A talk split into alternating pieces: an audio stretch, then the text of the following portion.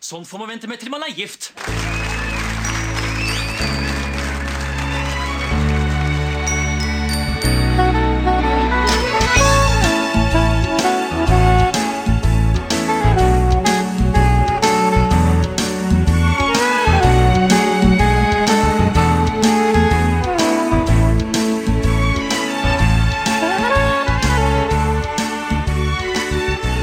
Hei, velkommen til en eh, ny episode av Norsk Film Filmklubb, hvor vi ser norsk film med et kritisk, men kjærlig blikk. Mitt navn er eh, Emil. Jeg sitter her som alltid med. Stefan heter jeg.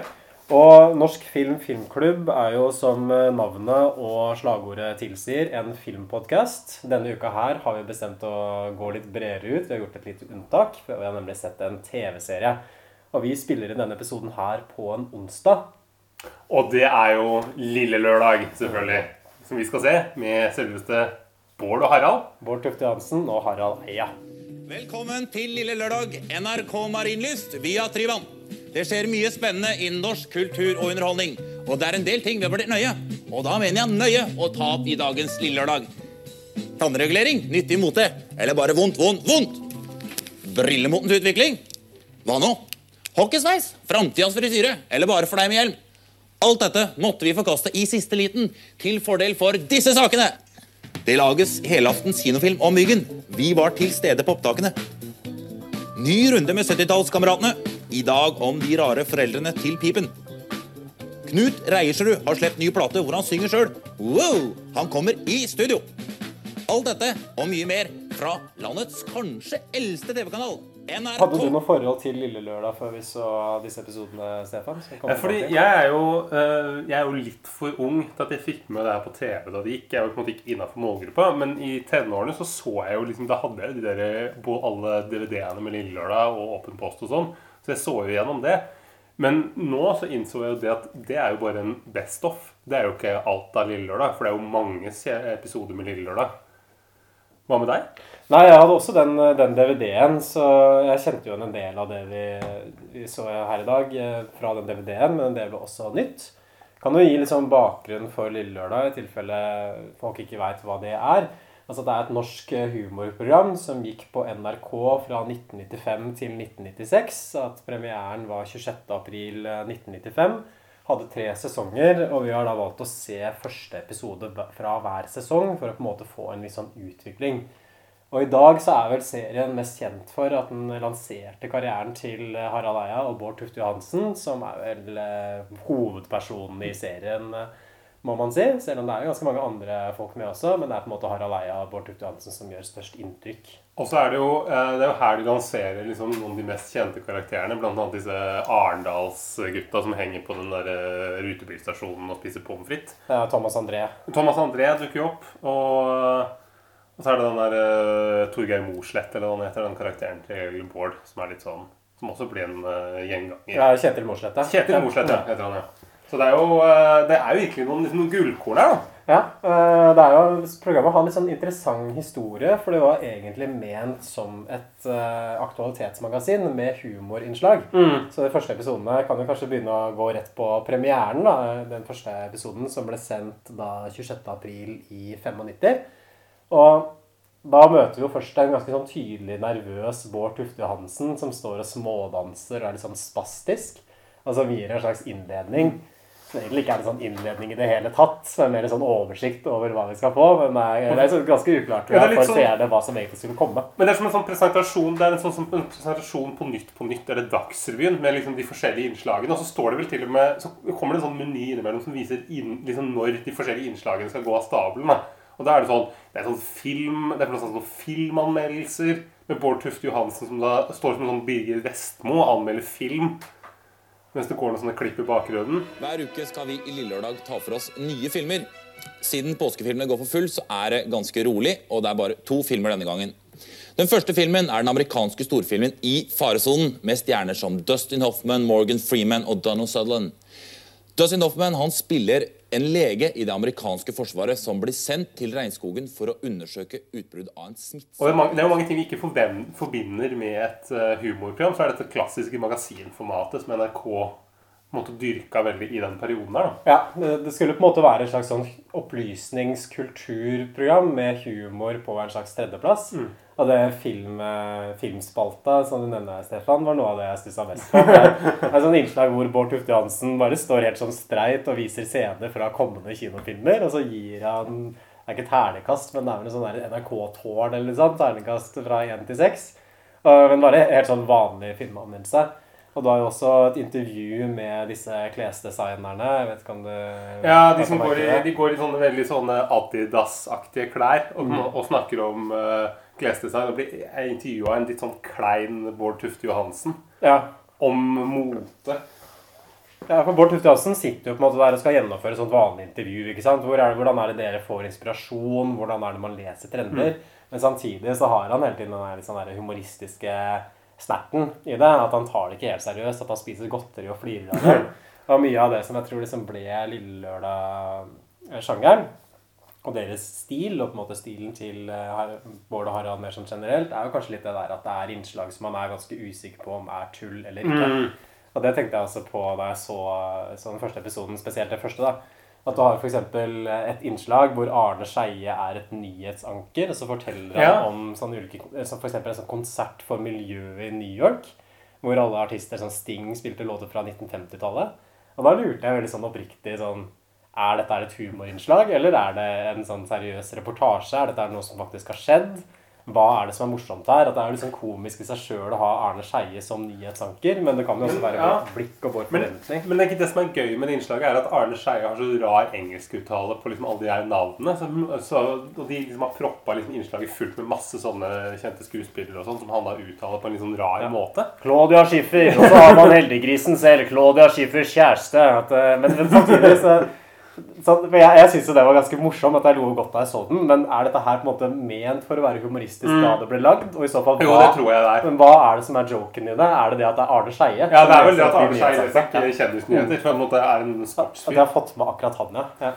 Men jeg merker jo eh, det det her minner meg om, er jo eh, Jeg vet ikke om, eh, hvor godt du kjenner til det, men for, ja, for alle våre yngre lyttere, da, som jeg regner med at det er en haug av, så var det jo eh, på 90-tallet så var jo Otto Jespersen hadde jo sånt der, eh, slags sånn talkshow som også var litt på kødd, hvor han satt på en sånn der høy barkrakke eller en sånn der svær stol og ikke sånn leopardskinnsklær og, og sånne ting. Og den, der, den, den intervjuscenen der hvor Bård sitter på den, også på en høy barkrakk, minner jo veldig om det konseptet som kom noen år tidligere med Otto Jespersen. Så jeg er åpenbart inspirert av det. Bare at 80-spørsmålet er så tydelig ironisk. Mens dette her er litt sånn som du sier, at vi vet Det er vanskelig å skjønne. Vanskelig, vanskelig å si, ja. Det er også veldig vanskelig å si om gjestene også skjønner hva de er med på. Ja, fordi de sier jo sånn at ja, vi vi, jeg, vil jobbe i, eh, jeg vil jobbe i HM, og det er liksom drømmen å jobbe i HM, og de går med sånne rare sånne golfklær, og det er liksom, det er så og de er liksom veldig streite. Det er, de, har, de har ikke vært på TV. Det er åpenbart at de ikke har vært på TV før. Vi kan jo ta det som kanskje er det mest sånn klassiske innslaget fra den første episoden, sånn som jeg ser det i hvert fall. Det er det derre bilbukseinnslaget. så tok Harald på seg bilbuksa, Norges mest solgte herrebukse, for å se om det var kynisk markedsføring eller faktisk om denne bilbuksa ikke ble krøllete. Harald, hva har du funnet ut etter å ha gnidd på buksa? Jeg har kløtsja og gira og, og reist meg opp og ned fra bilsetet. Du har gjort øvelser som nøyaktig er de samme som om man kjørte. Presis de samme, og hver gang så er den helt krøllfri. Så uansett hva som skjer, en sånn vil alltid rette seg ut. Ja. Harald Eia er egentlig først i tredje sesongen sånn som jeg opplever at han på en måte er på plass som sidekick. I de første sesongene så har du en sånn gjeng som sitter bak. Så det er han som spiller Øystein i Arendalskameratene. Du har Marit Aaslein, liksom en litt sånn der generell gjeng. Og så er Harald Eia den som stikker seg mest ut der. Men sånn i tredje sesong så er han på en måte, da er han offisielt sett nummer to. Ja, Og så er det Marit Aaslein som er nummer tre, som Ja. også blir dratt opp i uh, Men, men i det, i det bilbukseinnslaget i hvert fall, da, så er liksom ideen bilbukse på den tiden var det mest solgte herrebuksa i Norge. Hadde solgt 1,2 eksemplarer. Altså, To mil! Ja, 1,2 er litt lite, vel. Og der, eh, der var liksom greia med den bilbuksa var at den ikke skulle bli krøllete. At det er en dressbukse, men du kan på en måte sitte og gjøre som du holder på med en bil. og liksom Fantastisk. Kløtsje og gasse og bremse og stå på. Uansett hvor mye du satt og sleit den buksa, så kom den ikke til å bli krøllete. Og da har de først at Harald Eia står med den buksa på seg, prøver å krølle den til. Og så kommer driftssjefen fra Dressmann inn for å gi et slags intervju. Og han driftssjefen vet jo helt sånn tydelig ikke hva han er. Nei, han tror dette er seriøst. Leiv Martinsen, driftssjef i Dressmann. Hva er det med denne bilbuksa som gjør at den ikke blir krøllete? Ja, det kommer av at det er en spesiell kvalitet. Det er en polyesterkvalitet som ikke krøller, som er slitesterk, lett å vaske, er problemfri bukse. Du kan vaske den, og så etter tre timer kan du ta den på deg. Buksa er like fin. Like fin. Hva med pressen? Vil pressen også holde seg? Ja, det holder seg.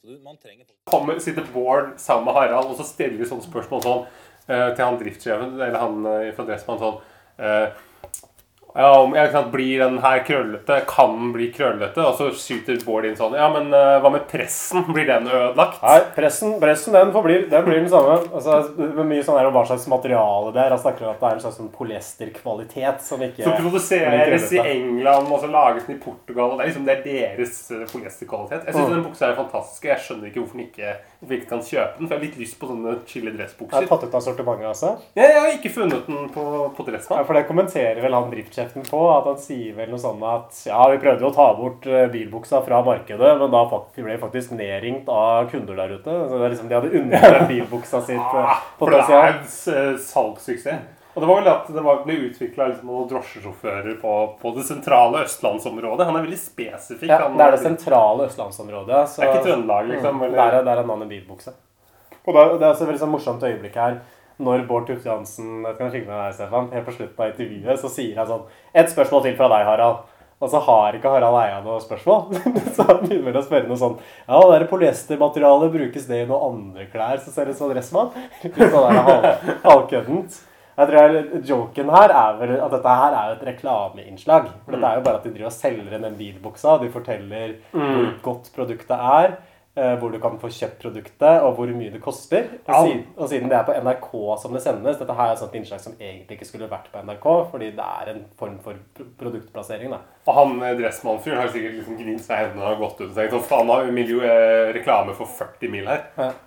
Og så er spørsmålet da, altså med den buksa, om det er noen under 50 som kjøper den buksa. Hva har den i et ungdomsprogram å gjøre? Nei, Jeg tror ikke publikummet til Lille Lørdag, i hvert fall ikke det publikummet som de hvert fall fikk, er eh, rett i målgruppa. Du kan, sånn du, du kan jo se for deg liksom sånn tidenes dølleste sånn eh, dressbukse. Liksom sånn der à la Etaten. En sånn der grå, litt kj- sånn kjip polyester. Litt, litt sånn blank, som polyester ofte blir.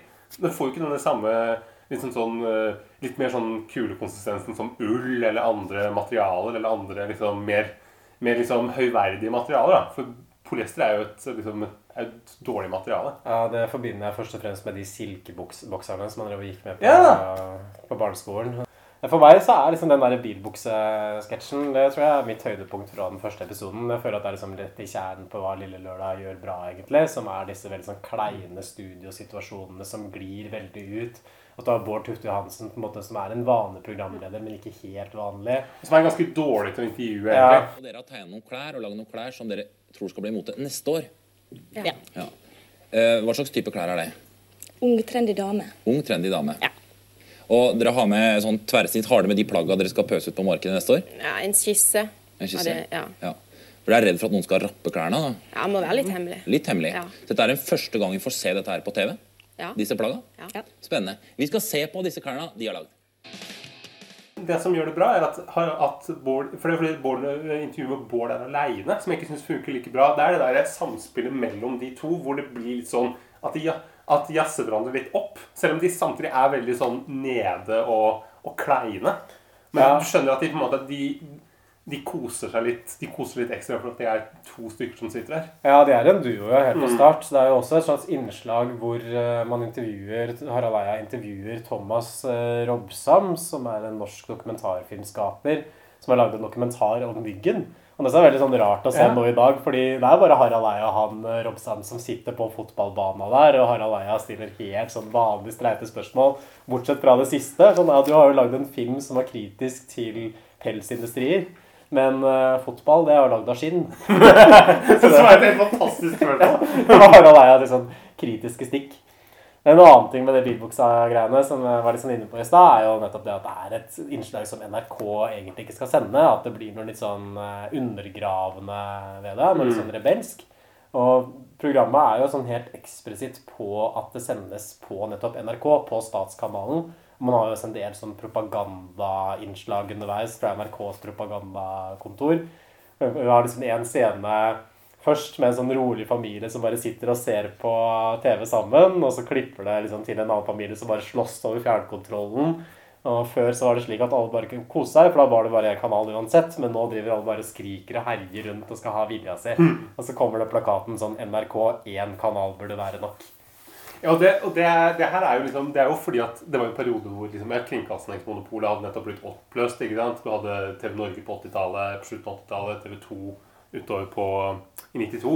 Og så hadde du den der perioden hvor, hvor NRK måte, Hvor det begynte å bli en del sånn kritikk rundt NRK. At liksom det var så mange som bare drev og rota i gangene der, ikke hadde noe å gjøre. Og, og så kom det etter hvert et punkt hvor liksom utover på 90-tallet hvor, hvor det ble ganske store nedskjæringer i NRK. Hvor det på en måte ble liksom satt satt spørsmålstegn med den der eh, overfloden, liksom den ekstreme tilgangen på ressurser som de hadde en periode.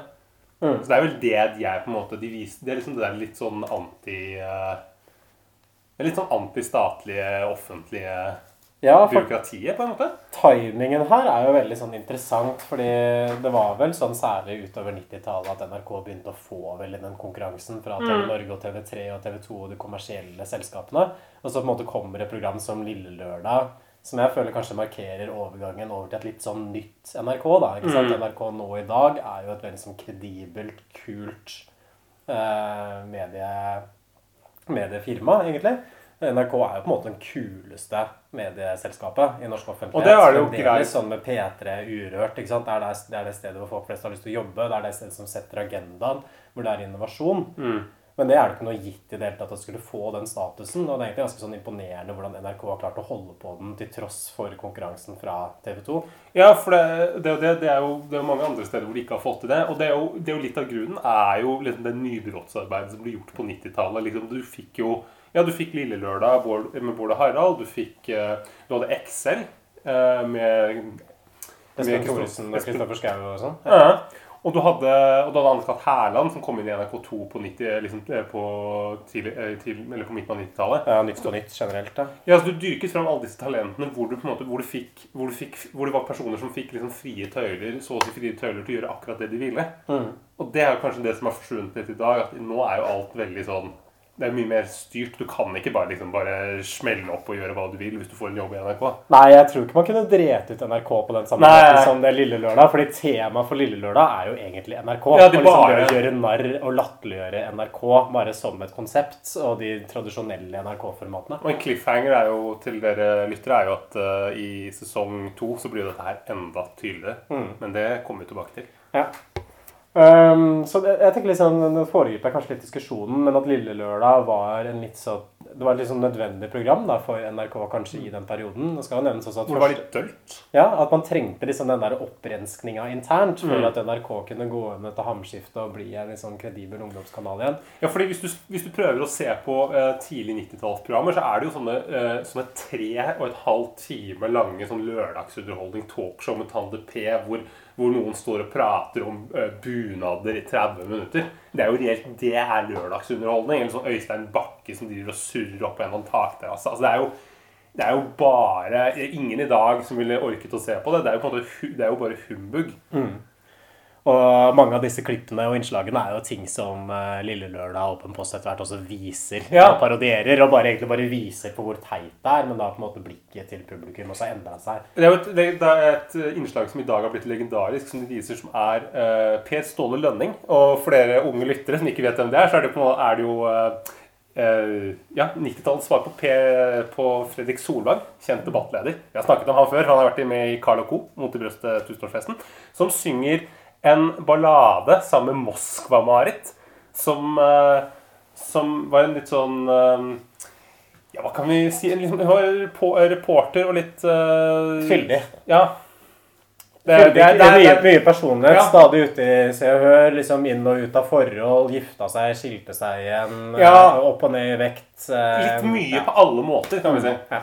Og da er det et innslag hvor de synger en eller annen sånn veldig sånn svulstig sviske sammen, som helt åpenbart er playback. Som de bare spiller helt sånn ukommentert på slutten av episoden. Og så er det på en måte et eller annet med blikket der, liksom, at man den der avstanden, den ironien da, ikke sant, som Bård og Harald gjerne krediteres med å innføre, den er jo veldig tydelig akkurat der sånn. ikke sant? Bare det å ta opp igjen et sånn teit, gammelt klipp og vise det sånn uredigert, det i seg sjøl kan være et slags sånn humorinnslag. ikke sant? Det i seg sjøl kan være en slags vits.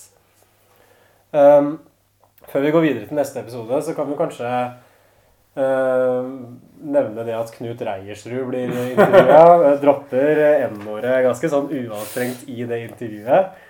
Igjen, jeg synes Det var noe av det morsomste i episoden. fordi Knut Reiersrud er sånn gammel sånn bluesartist. Og på den skiva som han skulle promotere her, da, så hadde han lagt inn noen sånn innslag fra afrikansk folkemusikk og liksom world music-greie. Det var sånn veldig vinden. Pygmesang hadde han vel også? er liksom gamle hvite gubber som egentlig bare tilrada seg en eller annen afrikansk rytme og prøvde å relansere karrieren på det. Og der driver eh, Bård Tufte Johansen og disser han ganske sånn åpenlyst. Skal ha han liksom til å synge sånn pygmesang, og vil også at han skal spille med til Sami Edman.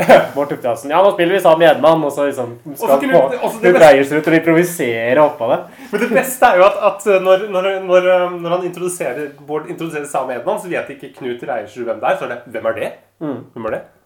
Ja, så later han som etter hvert Ja, Sami Edman, ja. Men, Åh! ja, den kan jeg, men eh, nei. Um,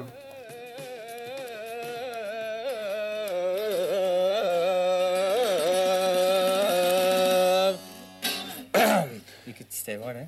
Det var en eh, etnisk, latvisk, flamsk som blanda de. Jeg er så glad i å blande etnisk musikk. Og det er du òg. Men eh, hvis du skal velge én etnisk musikk du skal holde med, hva er favorittetnisk musikken? Og eh, Alt kan jo ikke være like bra. Noen, noen må jo være dårlig. Det er vanskelig, for alt flyter over hverandre i disse Ja, dager. det gjør er det. sånn der kos- eh, postmodernistisk Det er, det. tid. er det bra eller dårlig? Folk spør seg. Folk Men ringer eh, jeg synes det er veldig Har du hørt sånn uh, pygmesang? Har du hørt det? Syng det. Nei, fy. Jo, jo, jo. jo. Pygmesang? Ja, pygmesang. Ja, pygmesang. Men det, det er også et sånn annet innslag som jeg synes er interessant der, som er det der 70-tallskameratene-innslaget, Stefan. Ja, hvor, uh, hvor Hanne Rygg, uh, altså uh, den liksom, Harald Eias kone på den tida, spiller Harald Eias kjæreste og er med i en sånn birolle. Ja, for dette her er liksom sketsjer som jeg alltid har slitt med å få helt til å passe inn i Lille Ja, Lørdag. jeg sånn skjønner allment. Fordi det er en sånn veldig sånn nostalgisk, sånn varm barndomsskildring sånn fra, fra 70-tallet. da, ikke sant? Der og tittelen, at det følger en sånn ven- vennegjeng. Og temaet for sketsjen i første episode er at det er to av gutta som blir med hjem til en tredje. Altså en tredje har sånn hippieforeldre. Liksom engasjert i sameopprøret i Palestina. De er liksom nudister. Dette er jo egentlig sånn tydelig tematikk i mye av det som Bård og Harald har laget. At man disser liksom det å være politisk engasjert. Og særlig sånn venstresidesaker. At det framstiller det alltid som veldig teit.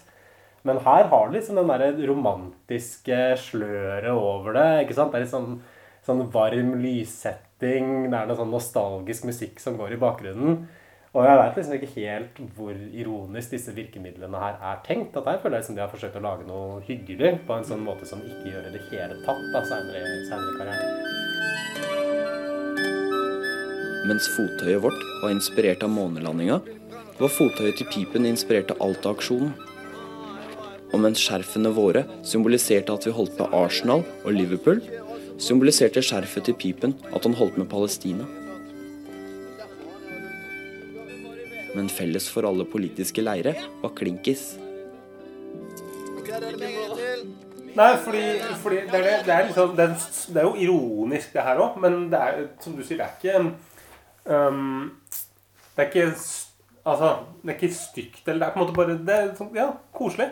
Det er ikke så, det er ikke så latterliggjørende. Nei, men jeg, jeg syns jeg, jeg, jeg ikke det er noe gøy. Altså, det er jo For meg så tenker jeg at dette er sånn dette er sånn som mine liksom, foreldre liksom ler gjenkjennende og nikker liksom, på, på huene og liksom sitter og koser seg med. Mens for meg så er det Ja, jeg syns ikke det er så gøy. Nei, det, det føles som en veldig, veldig sånn gammeldags sketsj. Det Ja. føles som en sketsj liksom fra den generasjonen Jeg tenker som Hvor er Leif Juster og Rolf Wesenlund og Kvalem-gjengen, liksom?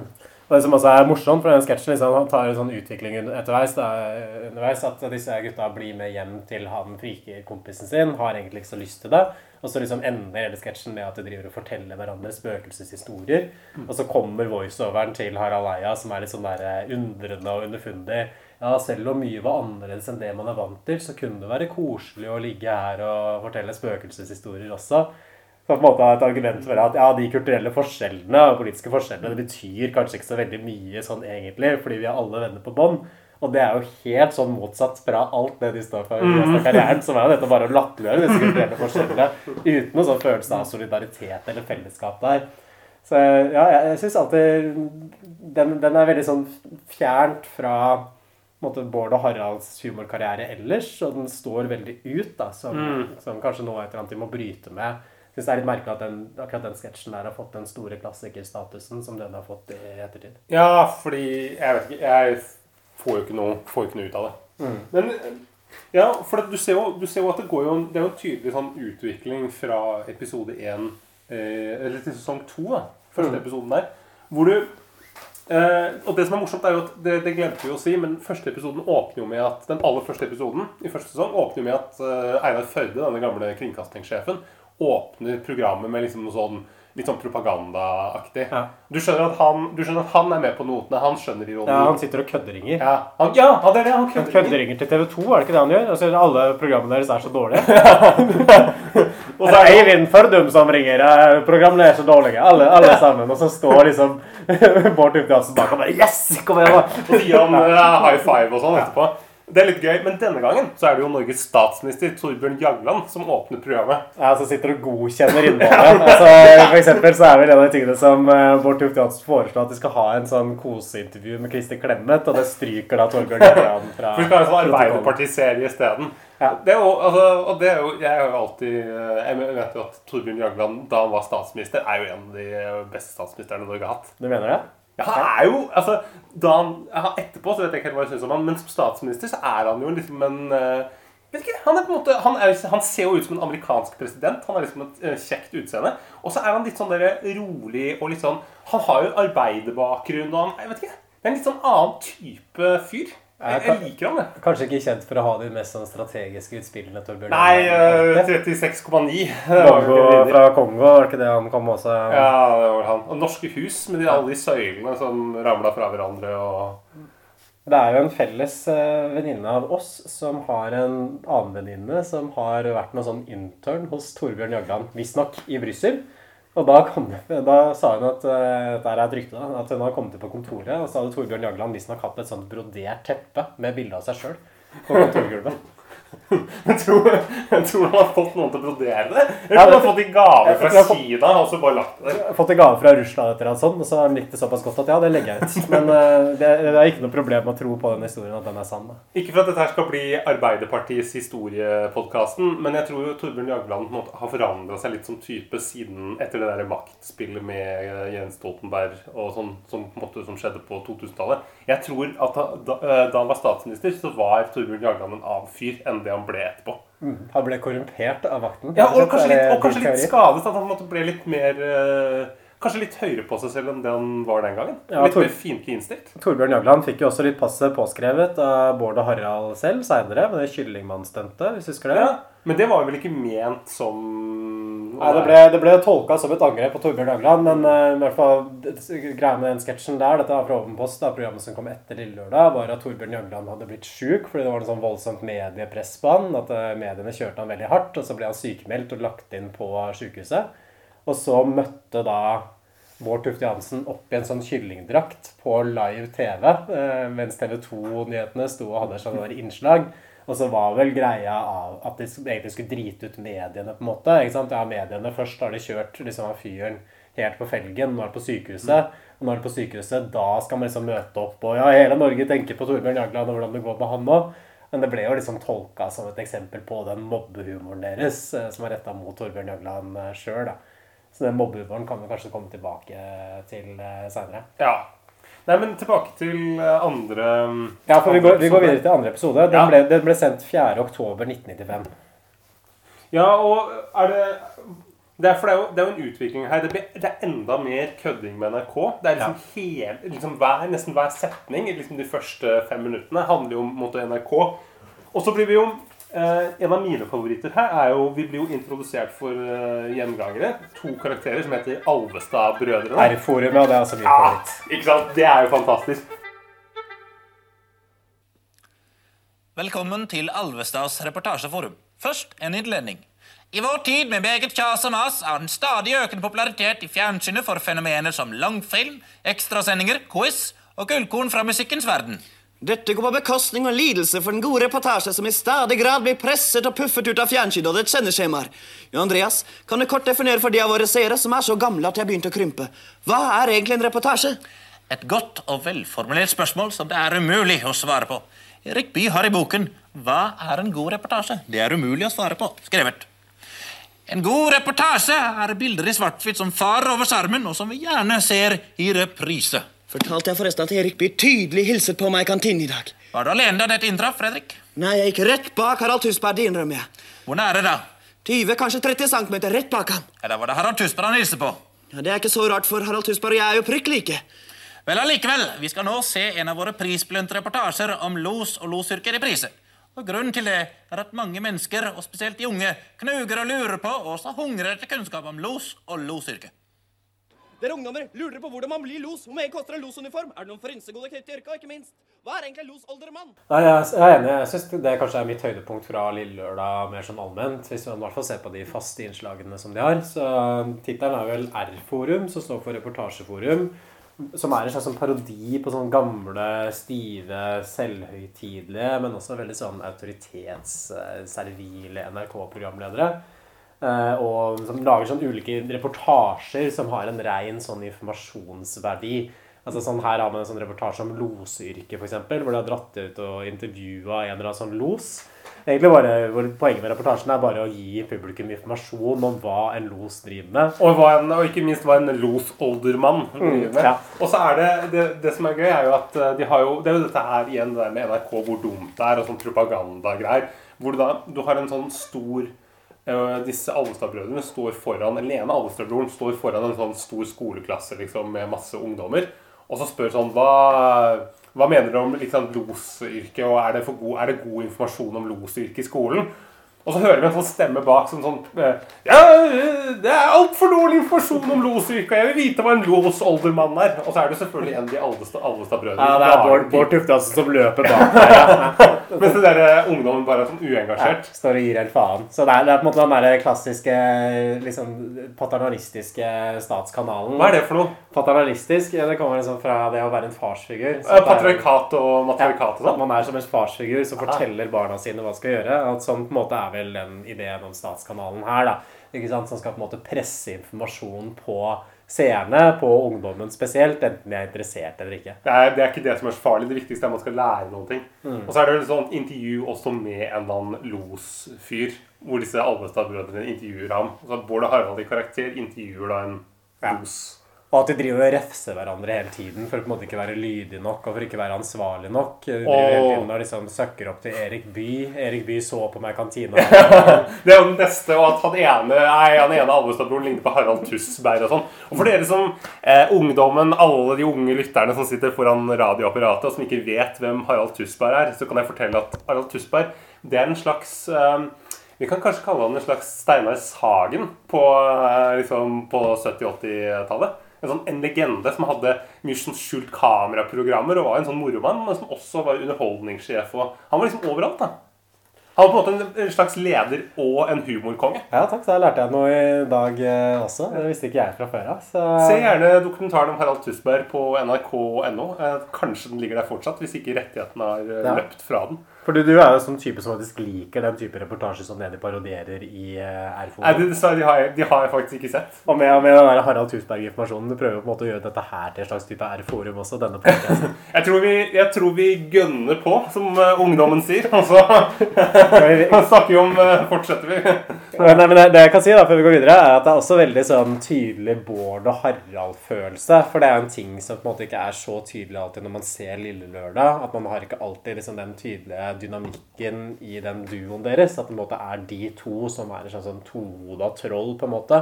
Man har på en måte en sånn forståelse av at de har det samme sånn humoristiske prosjektet og bare utfyller hverandre. Det er ofte litt sånn fraværende i de tidlige, i hvert fall de to første sesongene. Eh, Nettopp fordi at Harald Eia er såpass tilbaketrukket sammenlignet med senere. Men i R-forum så har du det veldig klart. ikke sant? Det er de Mm. som sitter sånn tett i tett. De ser også veldig sånn ut, sånn som man forbinder dem fra, fra Åpen post og Team Antonsen og Tre brødre og alt det der. Så det er liksom klassisk Bård og Harald-innslag på alle mulige måter. Eh, Et innslag som kanskje ikke er så veldig klassisk Bård og Harald, er eh, min drømmeserie, som er det andre store liksom, innovasjonen i sesong to. Eh, Min drømmeserie, hva er det for noe, eh, Stefan? Takk for spørsmålet. Min drømmeserie det er, jo, det er denne serien hvor vi møter disse to gutta fra Arendal. Som er litt sånn smått tilbakestående, som henger ved rutebilstasjonen og spiser pommes frites. Og så kommer det, er det en eh, jente som heter Mariann, som begge er litt sånn småforelska i. Og en fyr i en sånn rånebil med sånn capsen på snei, som, heter, eh, som kommer fra Froland. Ja, fra Froland, ja. ja. Og på en måte Froland er jo jævlig døvt sammenlignet med Arendal.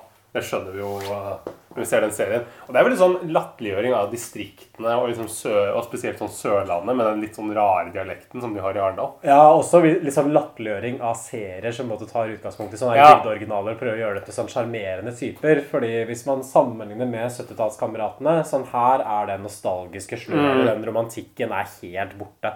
Sånn som Vidar og Jan Tore, som de heter, framstår som veldig sånn uintelligente, Ja. ikke spesielt sympatiske typer. Det gjøres også sånn nummer ut av at de er ganske sånn rasistiske. At de kaller på en måte folk for svartinger. Sier, skryter vel Harald Eia sin eh, karakter av på et eller annet tidspunkt der. Så dette er en sånn rein latterliggjøring og diss. Mm. Og ikke bare på en måte av de karakterene i seg sjøl, som er Arendalsidioter, men også av enhver som på en måte finner sånne typer interessante eller humoristiske. For de er egentlig bare grunne og, og rasistiske og lite og dumme og lite informerte. Ja. Så det er, det er mye hardere. At man ser det Mm. nesten bare på utseendet på for liksom formspråket her. Ja, det ene går i sånn nazibukser. Sånn uh, nynazist, sånn kamofarga bukser. Ja, og det at løs, lyssettingen er veldig sånn hard, du har en litt sånn gritty, sånn håndnådd kameraføring. Det er mye nærmere sånn typisk Bård og Harald-sketsj enn Mm. det 70-tallskameraten er. Og i den, akkurat denne episoden som vi så i dag, så er uh, plottlinja er den Bærum-Blærum-episoden med vår favoritt, Line Verndal, og en annen favoritt av oss, Torbjørn Harr. Og mesterdetektiven, skuespilleren Torbjørn Harr. Unnskyld? Ja. Du kunne ikke si meg veien til Tverdøya?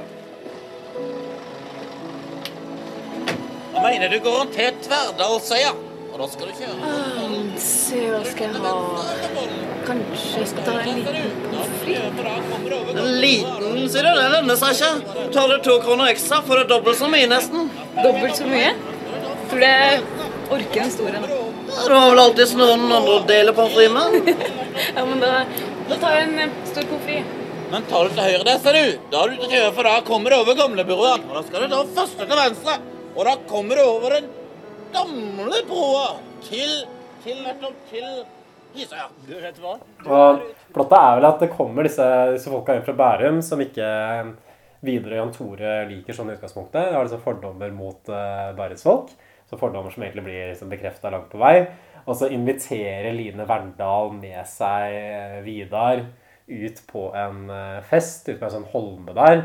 Og så drar de dit, og så blir det egentlig litt sånn skandale. Det blir pælma ut fordi han Vidar starter en sånn slåsskamp for han skal spille en konsert med Final Countdown og Europe. Ja, mens disse kule bærumsfolka de vil jo selvfølgelig bare høre på Bruce Springsteen, for det er jo mye kulere. Ja, eller latterliggjøre han, da, ikke sant, for det Final Countdown-greiene.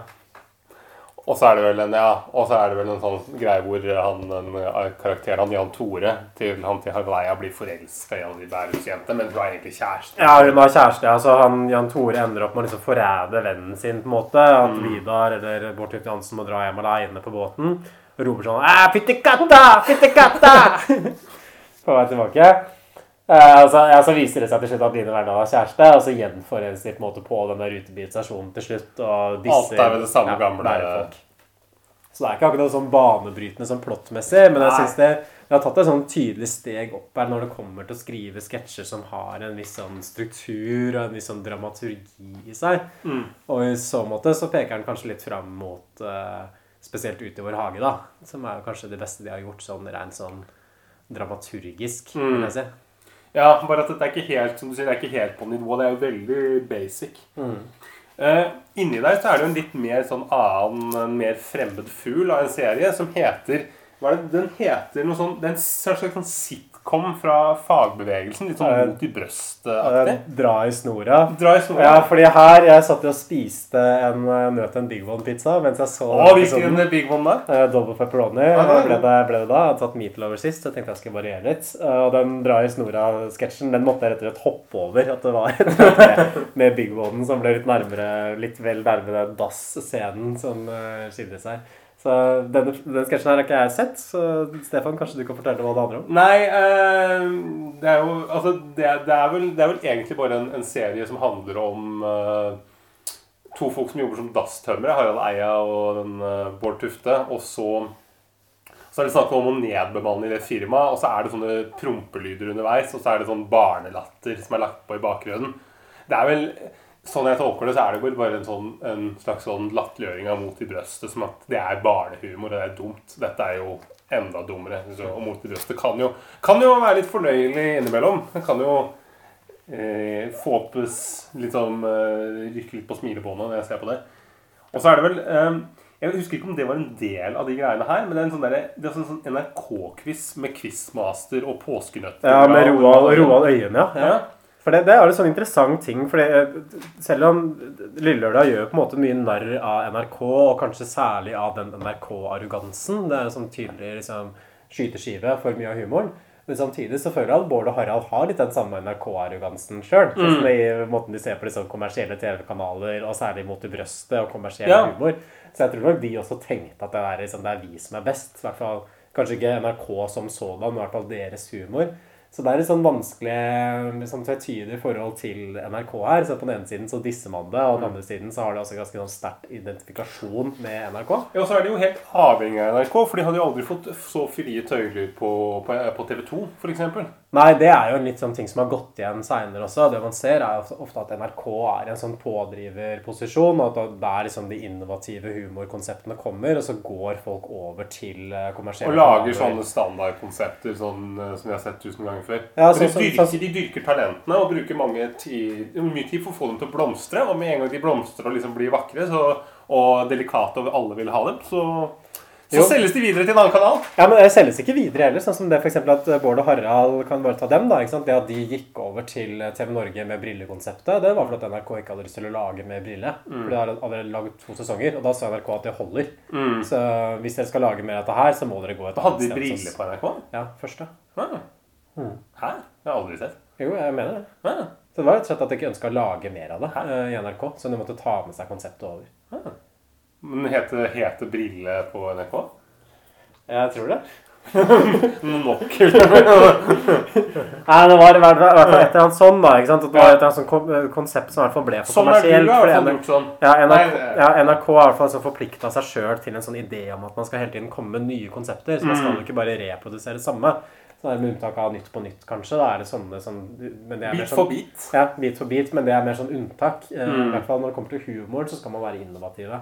Og det stemmer nok det at de hadde aldri kunnet klart å lage de greiene her på en annen kanal. eh, Og i hvert fall ikke være så tydelig kritisk til arbeidsgiveren sin. Mm. Jeg tror ikke TV 2 hadde latt dem komme unna med det samme. Og hvis du ser på det som gikk på NRK eh, på TV 2 på den tiden der også, så var det sånn Bot og bedring og sånn bullshit-sitcoms. Med Steine, ikke? Ja. Um, har jo også en musikalsk gjest her, Depika, eller Depika. Den gikk meg eh, hus forbi, altså. Apropos ting som ikke kunne blitt lagd eh, på andre kanaler eller i dag. Hun det er sånn intervju, Hun er en sånn norsk-pakistansk artist. Ja. Altså, Bård Tufte Johansen intervjuer henne etter hun har sunget en låt, og så starta hun intervjuet med å si at ja, grunnen til at du får være med på dette intervjuet her, det er at du er pakistansk, fordi vi i NRK har en sånn kvoteringsordning.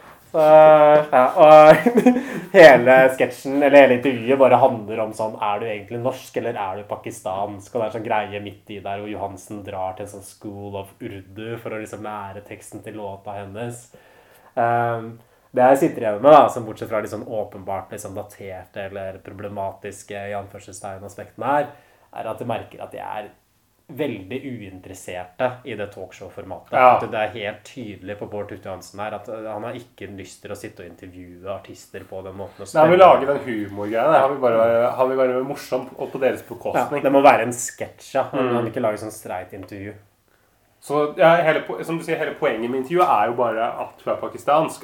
Det, og det kødder de liksom med. Og de, de, musikken er de ikke interessert i. De, de snakker litt om den musikkvideoen. At det er noen sånne gutter der som er ja, alle er jævlig godt trent. Så kommer det plutselig en fyr som ikke er så godt trent. Og så spør de ja, hvorfor har de valgt han.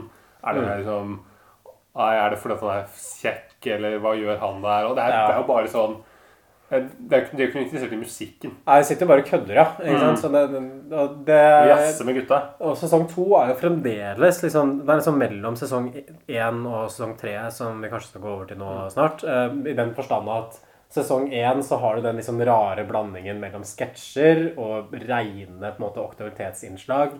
Og litt sånn ting som er litt mer sånn halvveis. Ting Mm. som man ikke er sikker på liksom er seriøst innslag, eller om det er tull. Eh, Sesong to så er man kanskje litt nærmere det sketsjpregede, men de sitter fremdeles igjen i den mer sånn vante aktualitetsprogrammodusen, som det som kanskje programmet var tenkt som utgangspunktet. Men i sesong tre så syns jeg at de bryter veldig. At da er på en måte formelen mer etablert. da. Ja, og da går det jo Da er det jo flere sånn eh, Flere sketsjer eller som nesten går Det går jo Du har lånt mye fra filmverden, og da blir det jo nesten sånn Ute i vår hage-aktig. Da begynner du virkelig å nærme deg det. altså. Mm. Det, programmet ble først sendt 25.9.1996. Eh, Det er en ny vignett i sesong tre. Og en ting som er interessant også, er at Harald Eia er også med på introduksjonen. At han står rett bak Bård Tufte Johansen Mm. når Bård Tufte Johansen liksom har sin vante sånn prat. Bård, Bård Tufte Johansen snakker sånn Ja, det går bra her i Norge. Utlendingene de følger med. De er imponert over hva vi i Norge får til. ikke sant? Hvis en parodierer den der norske selvgodheten. Som var jævlig aktuell i vinden på det på 90-tallet. Mm. Likevel så skal vi rette fingeren på noen småting som fortsatt er galt. Men her er på en måte? Dette er ikke lenger en programleder som står og gir en introduksjon til et TV-program. Dette Mm. her er en sketsj med en gang. Mm. Så fra dette tidspunktet her ut så er alle innslag, alt som skjer i Lillelørdag, er på en måte konstruert. da. Og nå er det jo også det er jo, det, det er jo, Vi glemmer jo en, for det er jo nesten en klar trio nå. Fordi Marit Aaslein nå, Mm, eh, mm. som er også, er også mer med og på en måte blir liksom en del av denne, en, en trio. Og har jo også noen egne programmer med et sånt, der, med et sånt et sånt, et sånt kvinneprogram. Det er tid for et lite friminutt her i Lille Lørdag, og alle kvinner husker friminuttene på skolen. I friminuttene gikk vi ofte alene og tenkte på kvinneting med stille gråt. På samme måte skal disse myke minuttene være stille kvinneminutter uten menns belg og vræl. For vi kvinner kan, og vi kvinner får det til stadig mer og mer. Nå har f.eks. en gruppe kvinner i Vestfold Buskerud fått til å drepe en sinna ku helt uten hjelp fra noen menn. Ja, kvinners selvtillit økes med god grunn. Kan kvinner og menn jobbe sammen i en gruppe? Myke minutter. Ja, myke minutter. Med masse sånne eh, det, eh, Jeg syns jo estetikken er helt fantastisk. For det er på en måte hun står, og så bak henne så er det en rosa vegg. Og så flyr det masse sånne kvinnenavn forbi. Sånn Rosemarie Køhn Ja, Mari Baurstad. Virginia Woolf, Gro Harle Brundtland. Altså er på en måte hele poenget med det myke minutter at man skal løfte fram sånne prestasjoner som kvinner har gjort, som egentlig ikke er så veldig imponerende. Sånn her om dagen så klarte jeg en gjeng med kvinner å berolige en ku helt uten hjelp fra, fra menn. Så det er veldig sånn klar diss, egentlig, av det der å skulle løfte fram kvinnelige prestasjoner og på en måte snakke opp det kvinnelige kontra det mannlige. Jeg koser meg. Jeg syns det, var- synes det var morsomt. Jeg synes også det var morsomt. Jeg syns hun, er, hun er ganske hun er flink, for hun underspiller litt eh, hun, hun prøver ikke så hardt å være morsom. Hun er bare helt sånn Mm. hun, hun gjør, Jeg syns Marit Aasland gjør, gjør en god jobb. her. Ja, un undervurdert, rett og slett. Ja, og hvis man ser også, Det er hun som er kreditert faktisk som eh, den som er mest ansvarlig for det som avslutter episoden, som er sånn skrekkfilmparodi. Uh, som er sånne elementer fra Rigo The Shining. Jeg syns ikke det var det mest vellykka i episoden, kanskje. Eh, ja. Den, den fikk ikke jeg noe ut av. merker. Mm. Det var bare fas mer fascinerende.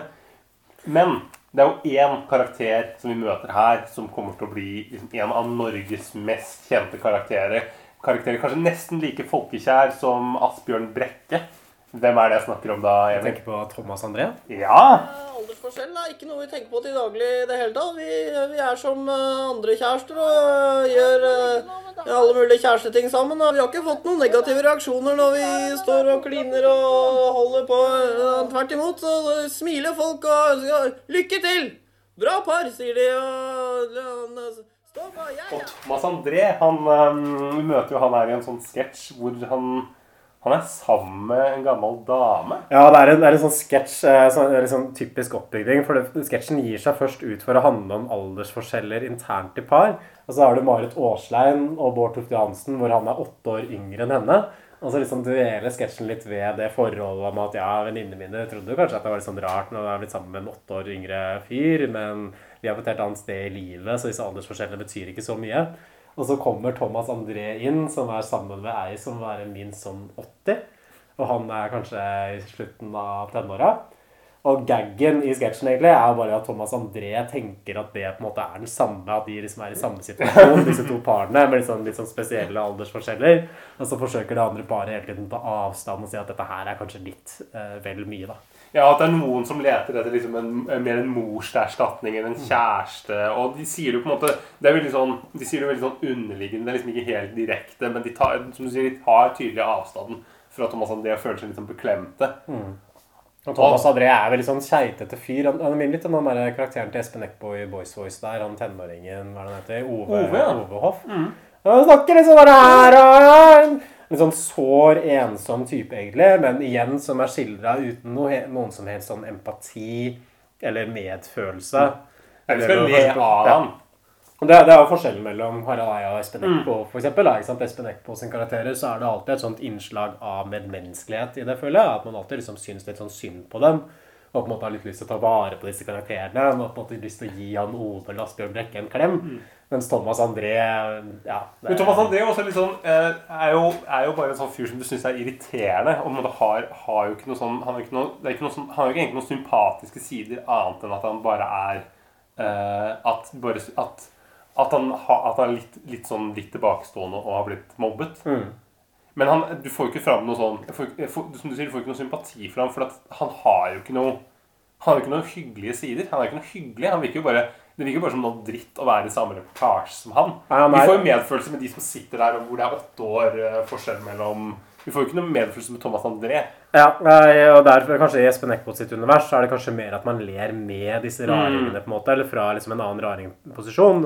i- I hvert fall litt begge deler. Vi ler litt med dem og litt av dem. Etter universet her er det mer at man ler sånn av de svake, svake litt sånn rare utskuddene. Så det er veldig sånn majoritetsblikk, kanskje, som, som fremmes her.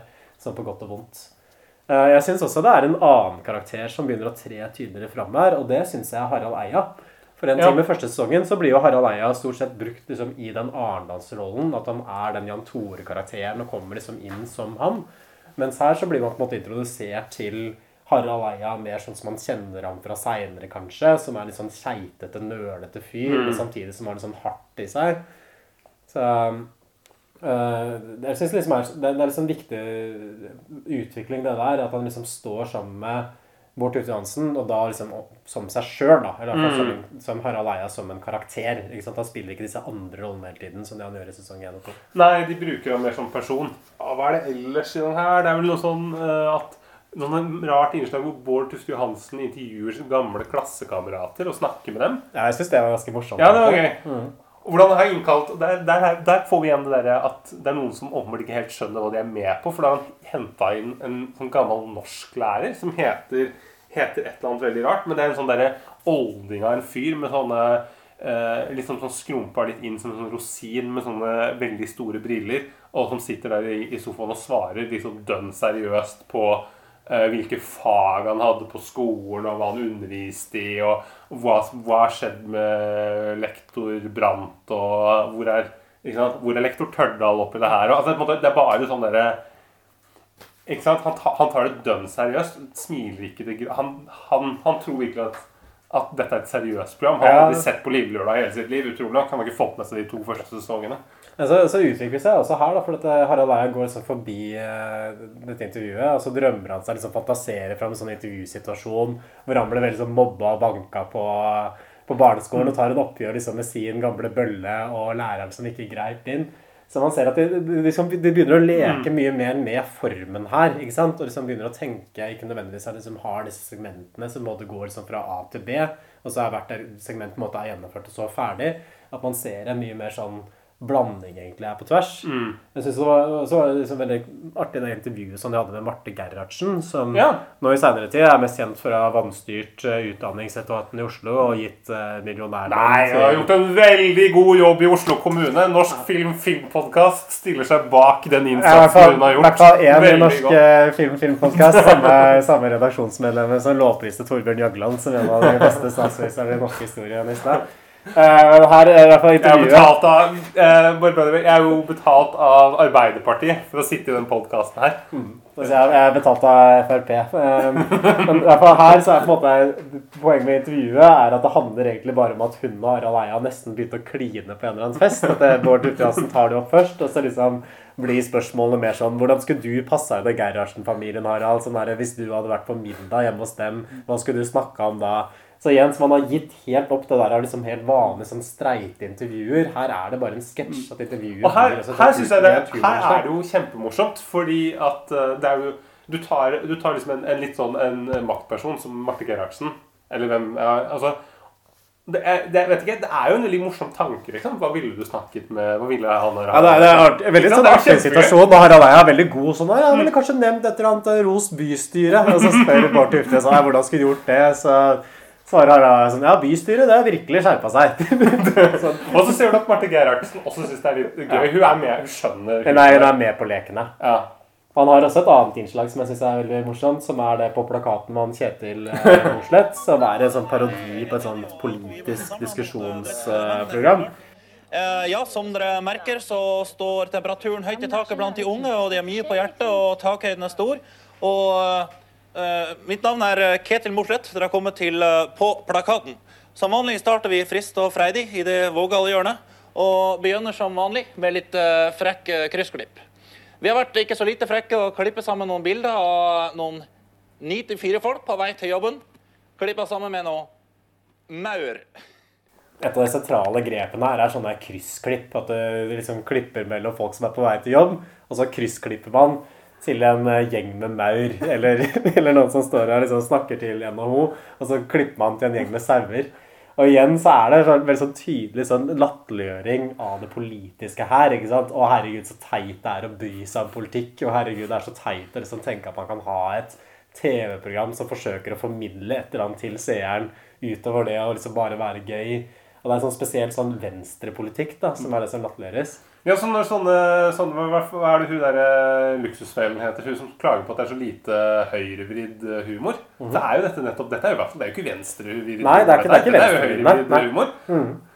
Så, så det, er, har ikke noe å klage altså, hvis du ser på Lille Lørdag. Nei, det er jo sånn, der, sånn tekst jeg husker hvem som har skrevet, men som uh, skriver det at uh, ironigenerasjonen var på en måte nyliberalismens glidemiddel. At liksom du ser i den perioden her hvor man får en sånn nedbygging av det politiske, egentlig, og sånn frislipp av markedskreftene, og det som egentlig er en sånn voldsom høyredreining i politikken, så får man også en sånn generasjon som bare gir faen i alt, og syns det bare er teit å gå i demonstrasjonstog, syns det er teit å være opptatt av samer, syns det er teit å være opptatt av innvandringspolitikk eller økonomiske forskjeller. Og det syns jeg jo virkelig Lillelørdag representerer på en veldig sterk måte. Men det er jo fremdeles veldig sånn morsomt, og det er jo godt gjort. Men samtidig så er det sånn underliggende kynisme her, kanskje, som er kanskje noe av det som gjør det så humoristisk òg.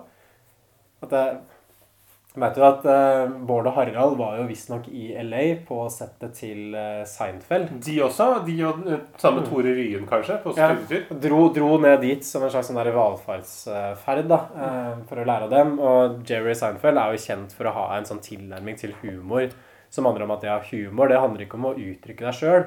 Det handler ikke om å si noe sånn dypt. Det handler ikke om å si noe politisk. Det handler liksom ikke om noe annet enn det at humor skal være morsomt. Mm. Ikke sant? Får det folk til å le? Hvis du gjør det, så er det god humor. Samme på hva slags måte du får eh, folk til å le på. Så Jerry Seinfeld har liksom en sånn tilnærming til komikken som brøt veldig med komikken sånn som var før, før hans tid. da. Hvor man tenkte at humoren kanskje skulle være en slags sånn kunstform som skulle formidle noe og liksom ha en sånn egenverdi utover det å være morsom. Mens for Jerry Seinfeld så er det sånn Er det morsomt? Ok, Mm. Hvis det er det, så da trenger vi ikke å snakke noe mer. Da er det det som, man, det, er det som er viktig. Men det er også fascinerende med at mye av den humoren fra den perioden før er jo, er jo ikke det i det hele tatt. Det er jo sånn, Når du ser på Rorbua og sånt, det er jo ikke det Det er jo på en måte ikke, det er jo ikke noe høyverdig humor. Det er jo på en måte bare prompehumor.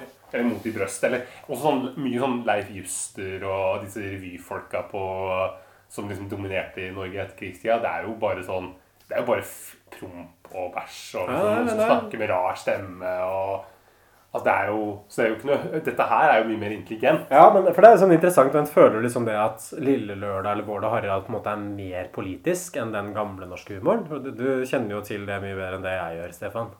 Ja, takk for, uh, takk for komplimentet. Eh, nei, altså uh, Du har jo sånne sketsjer Eller på en måte sketsjer innimellom, i hvert fall på 70-tallet, og sånn, som er politisk. Men, og det er litt sånn tramteater ikke sant, med det der Pelle Parafins bøljeband og sånn. Men gjennomgående så er jo ikke den humoren KLM altså, er jo ikke så veldig politisk. Det er sånn kødding med prester og sånne ting. Men eh, jeg synes jo det, dette her det er, jo- det er jo mye mer Det er jo mye mer hardtslående enn mye av det som ble laget da. Det er for eksempel den Myke minutter-sketsjen. At den Ja. sketsjen handler om å Mm. drite ut kvinnebevegelsen. Så er det, er, sånn- det er et politisk statement. Ja. Det er I hvert fall dri- drite ut den delen av kvinnebevegelsen som kanskje løfter fram sånn kvinneprestasjoner som ikke er så imponerende sånn egentlig. da, ikke sant? Eller som bare dyrker på en måte kvinnelige bare for å dyrke det. Og det, det er jo en sånn politisk statement. Og i hvert fall når det kommer bare sånn Det er kun det man ser, og det er ikke noen andre innslag som på en måte går i en mer sånn feministisk retning. Mm. Så blir jo hel, helhetsinntrykket som man etterlater seg med, er jo en sånn skepsis mot den type bevegelse. Mm. Nå zoomer du ut, min venn. Ja, nei, men jeg, tenker at Harald Eia har jo litt sånn interessant utvikling her. fordi han har jo egentlig vært sånn på høyresiden, sånn som jeg opplever han, men så har han endt opp som en slags sånn sosialdemokrat på sine eldre dager. Så nå tror jeg han er medlem i Arbeiderpartiet. Men har han vært høyremann, da? Opplever han som har var mer høyremann før enn det han er nå. Som Mm. Hjernevasktiden, f.eks. Uh, mens nå hadde han vel den der dokumentarserien sånn 'Sånn er Norge', som egentlig ble bare et sånt forsvar for samarbeidet mellom fagforeningen og næringslivsorganisasjonene. Så jeg tror nok han har hatt en mer sånn sentrumsdreining. Men det er jo interessant på en måte at en sånn type som er liksom såpass ironisk og ekstrem og liksom radikal i sine uttrykk, sånn i, i hvert fall det han holder på med, da, humor, blir Arbeiderparti-velger til slutt. Mm. Så på en måte er det trausteste og kjedeligste og minst humoristiske, og kanskje det som har latterliggjort mest av alt i løpet av karrieren, som liksom bare er en sånn streit Arbeiderparti-posisjon. Jeg syns det, er- jeg synes det er litt sånn spennende. Ja, det, det er egentlig gøy. Han blir det han, eh, det han motarbeider. Ja. Uh, vi Ikke kan- noe vondt sagt om Arbeiderpartiet. Altså, vi er i Norsk Film Filmklubb. Vi liker alle partier like godt. vi, vi, vi ville stemt på alle partier hvis, vi bare, hvis vi bare hadde muligheten. Dessverre så kan du bare stemme på ett parti. Nei, derfor stemmer vi blankt. Vi har ikke lyst til å velge. Alle, alle er så gode. Eh, Det, det er altså, kan vi kanskje avslutte med det? da Eh, En sånn dokumentar her om denne gruppa Just for Fun. Ja, oi, den er, den er morsom. Eh, Hadde du noe forhold til Just for Fun før du så den sketsjen her, eller? Ja, jeg vet at de vant uh, Melodi Grand Prix et eller annet år hvor det ikke var noen finale. De bare vant. Uh, og det er vel, men det er vel, det er vel med Hanne Krogh, og så er det noen folk jeg ikke vet hvem er. Ja, det, det, det var en sånn, sånn supergruppe. At det liksom sammensatte Hanne Krogh var den eneste som jeg kjente igjen. Og så var det vel en sånn kristenrocker og så litt sånn yngre popstjerne. Eh, så dokumentaren handler på en måte om dette bandet og deres oppløsning. Og her begynner man å kanskje å komme nærmere den der mobbehumoren til Åpen post. Liksom man tar tak i sånn Ja, er- ja. navngitte norske Mm. kjendiser, og så ljuger man om det. Liksom finner opp en sånn historie om dette bandet som jeg regner med ikke er sann. Og også at man driver og driter dem ut. Sånn som at det er sånn voiceover sånn Ja, hvem var hjernen i dette bandet? Det var i hvert fall ikke Hanne Krogh. Og ja, og det- og så er det at uh, hvem, som til, liksom, hvem som appellerer til publikum, så er det sånn alle Da viser de så og så mange stemmer liker han fordi at han er uh, Skalla. Ja, ikke sant? Eller, eller Hanne Krogh fordi at de er dumme. Og så er det en som da har null tilhengere. Fordi at ingen, Hvorfor skal noen like henne? Ja, det er ingen som liker henne. Ja. Ja. Eh, Navngitte kjendiser. Ja. Og, hun, og så er det noen, noen vits om at hun er gravid og sånn. Mm. Jeg- Jeg, syns ikke det innslaget var så morsomt, men, men jeg tenker Nei, sånn, hva, hva, hva er tenker du mer om den der mobbehumoren? For det var etter hvert det ryktet som Bård og Harald fikk. At det var kanskje deres sånn store kontrovers var nettopp dette at de- var mobbere. Tenker du at dette er en sånn ting som kjendiser burde tåle, eller syns du man går over streken? Eh, jeg syns jo, jo alt det vi i to første episodene som vi så, syns jeg er helt kurant. Det er greit. Det at du måtte intervjue en sånn markedssjef fra Desmond som er på en måte et høyere Som har en leder, et lederverv og sånn, det tenker jeg at det han kommer greit unna det. Og på en måte blir latterliggjort litt på TV. Og de, de driter ikke ut han som person, de driter mer ut av selskapet som han står for. Mm. Men jeg syns jo den, den her um, Jeg syns jo det var morsomt at det var just for fun, for dette er så obskurt. Uh, men den her går jo over streken for meg. Jeg synes jo ikke det er noe Dette er jo faktisk mobbing. Og jeg syns det er det, de drar det for langt. I hvert fall med hun der ene som bare som, Hun appellerer ikke til noe publikum. Hun er på en måte for, også, Der er det også at hun er for dum til å gjøre det. Eh, Og hun har ikke noe talent. Hun er bare med i den. Mm. Hvem er egentlig hun her? Marianne Antonsen som er med i den gruppa her. Ja, for en, en ting er på en måte å lage en sånn tynn fiksjonalisering. At du kunne Ja. lagd et fiktivt band, ikke sant? Just for Ja. pleasure eller et eller annet sånt, og så på en måte hatt karakterer som, som sto Men her, her tar de og viser bilder av personene, og så nevner dem ved navn. Jeg tenker også på den Finn Kalvik-nyhetene, som var er så kontroversielt med Åpen post. For der var vel Finn Kalvik-nyhetene er jo nå nesten umulig å få sett, for det, det tok jo faktisk NRK og trakk tilbake. Og jeg tror vel Bård og Harald har gått ut i ettertid og sagt at de angrer på det innslaget. Men der var vel ideen om at dette er på et sånt tidspunkt hvor Finn Kalvik var på et veldig sånn lavt punkt i karrieren. Mm. Eh, Hadde veldig lite suksess, veldig lite som skjedde med han. Og så var det da hver uke på Åpen post et sånt innslag, Finn Kalvik-nyhetene, hvor det bare ikke skjedde noen ting. Ja, fordi Jeg tolka det alltid litt som at det, var som, at det var, hadde med tekstene hans å gjøre. At, på en måte, at tekstene til Finn Kalvik var så klisjé. Jo, det er også, men det er også en sånn latterliggjøring av Finn Kalvik. Men Mm. hovedpoenget var liksom at ja, det er morsomt å ha Finn Kalvik-nyhetene, fordi det er ikke noen nyheter med Finn Kalvik. Han gjør ikke noe. Og det, Han gikk vel seinere ut og sa at dette her hadde vært veldig tungt for han, At han var i en sånn deprimert periode, og så kommer liksom dette her på toppen av det Mm. Og en annen ting også, mer sånn Team Antonsen med de der Kari Bremnes-sketsjene. Mm. hvor Det liksom handler om å liksom si Kari Bremnes på ulike måter sånn Kari Bremnes! Jeg tenker sånn Tenk så kjipt det må ha vært for hun, fordi hun er på en måte sånn etablert artist, altså spiller konserter, og så kommer liksom dette her og blir et av Norges mest sette programmer.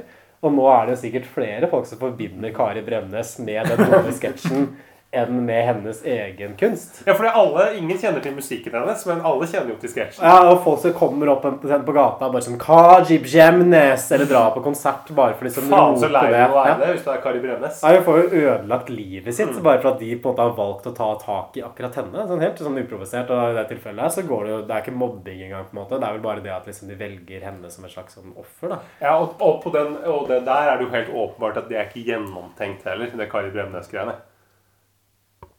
Nei, Fra åpen på, eller fra Team Antonsen sin Ja, men samtidig så var det jo på det tidspunktet så hadde jo Bård og Harald fått såpass mye makt liksom, i den norske Mm. kulturen at nesten alt det de gjorde, ble jo kommentert på. Ble jo en slags sånn der meme ikke sant, som folk gikk rundt og sa. Og sånn er det Han en ekstra. Joker Nord og de Ja. greiene. viss grad fremdeles. Så jeg, syns det er litt sånn forskjell der.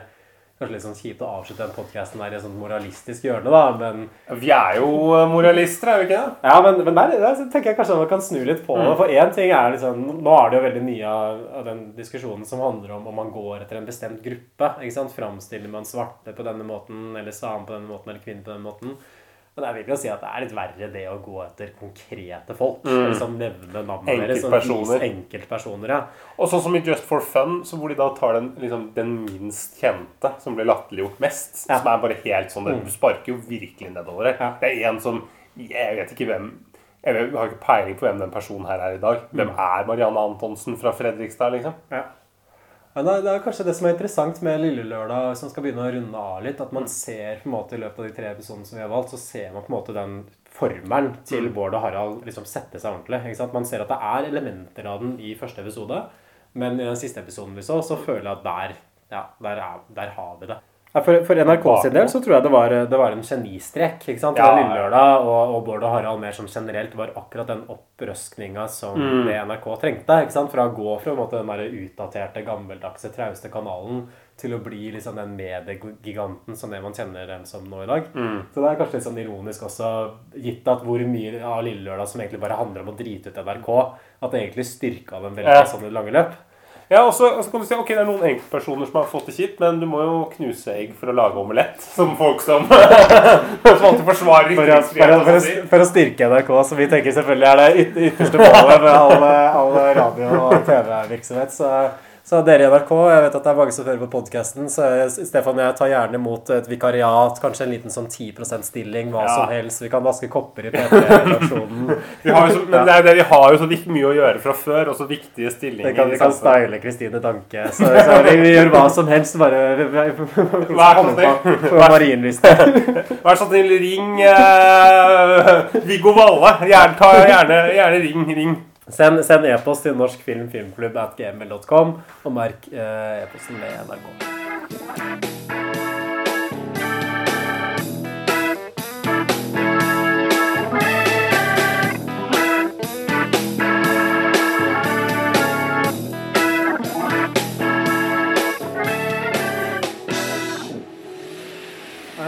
Bonus-content her. fordi i episoden så har vi egentlig bare snakka mest om hvordan dette peker fram mot Bård og Harald sin seinere karriere. Og kanskje ikke sagt så mye om Bård og Harald sånn generelt. Men hva, hva tenker du om Bård og Harald sånn mer generelt innenfor norsk humor? Uh, ja, fordi altså, jeg, jeg, setter jo, jeg setter jo pris på altså, Jeg syns Åpen post er jo, er jo bra, og Lille Lørdag er veldig spennende på sin måte. Men ehm, det, er jo, det er jo noe med den der rå tonen som de har, som veldig mange komikere ikke har på samme måten. Jeg syns du finner det litt hos Otto, Jespersen på samme måten. At det er den derre At det er uh, Det er litt sånn, latt, at det er litt sånn latterliggjøring, egentlig. Mm. Litt sånn rått. Hva tenker du? Nei, jeg er enig, men, men samtidig så vil jeg jo si at jeg syns Bård og Harald helt klart er overlegne Otto Jespersen Ja, ja, ja, som komikere. Ja. Det er kanskje litt sånn de beste komikerne som man har sett, i hvert fall i nyere tid i Norge. Mm. At noe av grunnen til det er at de liksom har så mye. At de er liksom både gode på å lage disse karakterene og lage sketsjer. Og liksom har sånn dramaturgi, sånn, særlig kanskje Ute i vår hage, som er kanskje Mm. min favoritt. av Ja, herregud. Glem, glem, glem, glem Åpen post og Lille Mm. Lørdag. Ja. I hvert fall ja, første sesongen er jo helt bra. Så de, de har det, og så har de på en måte den der ironiske framgangsmåten. At de på en måte også kan være seg sjøl, lage humor bare ut av liksom premissene for, for sketsjene sine. Mm. Og i tillegg til at de har dette her konseptuelle uh, i måten de tilnærmer seg humoren på. At det er sånn gjennomtenkt, at det er sånn intellektuelt på en eller annen måte. Og det har vel også kommet fram sånn i ettertid at de har et litt sånn utstørt forhold til humorene. At de er sånn analytiske typer begge to. Og så forsøker liksom å se Ja, ok, hva, hva liksom er det med dette her som er morsomt? Hvordan kan du gjøre det enda morsommere? At de har den der eh, liksom intellektuelle tilnærmingen til humor som jeg syns skinner igjennom i det de gjør. At det er en tydelig sånn konsepttenkning her. Altså, det, er jo, det er jo uten tvil liksom, de største komikerne i Norge liksom, de siste 30 årene. Mm. Det kan ikke, det kan vi jo ikke stikke under en stol i det hele tatt. Det er jo ingen som kan måle seg med dem. Nei, og, og måten de på en måte klarte å sette agendaen på, liksom Mm. dagsordenen, på en sånn måte som andre komikere kanskje ikke har gjort. Da man kan jo si at Robert Stoltenberg eh, for så vidt er kanskje litt mer sånn folkekjær. Mm. Eller Espen Eckbo. Men når det kommer til på en måte definerer seg sånn generasjon, og liksom definerer på en måte sånn humormiljø, Mm. der tror jeg Bård og Harald er liksom uovertrufne. Ja, og Robert Stoltenberg er på en måte mer sånn familiekomedie, litt som Egon er en familierestaurant. At det, måte, det treffer veldig bredt. De fleste liksom, de finner, Alle finner noe de liker hos Robert Stoltenberg. Eller hos Egon.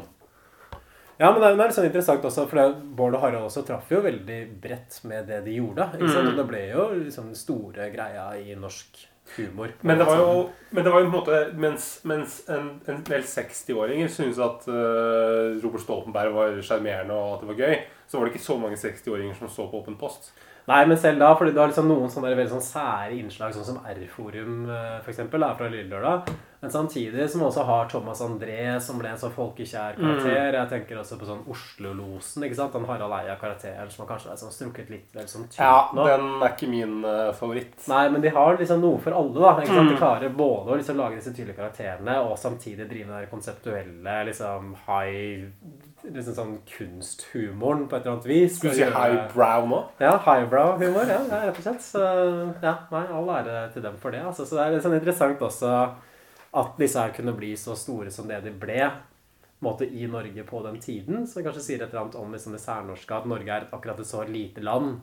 At man kan lykkes med den type liksom, sær undergrunnshumor og få det opp i mainstreamen og få det til å bli noe som alle måtte forholde seg til, men som fikk en sånn stor effekt. Så det syns jeg, synes jeg kanskje er det mest sånn spennende med dem. da.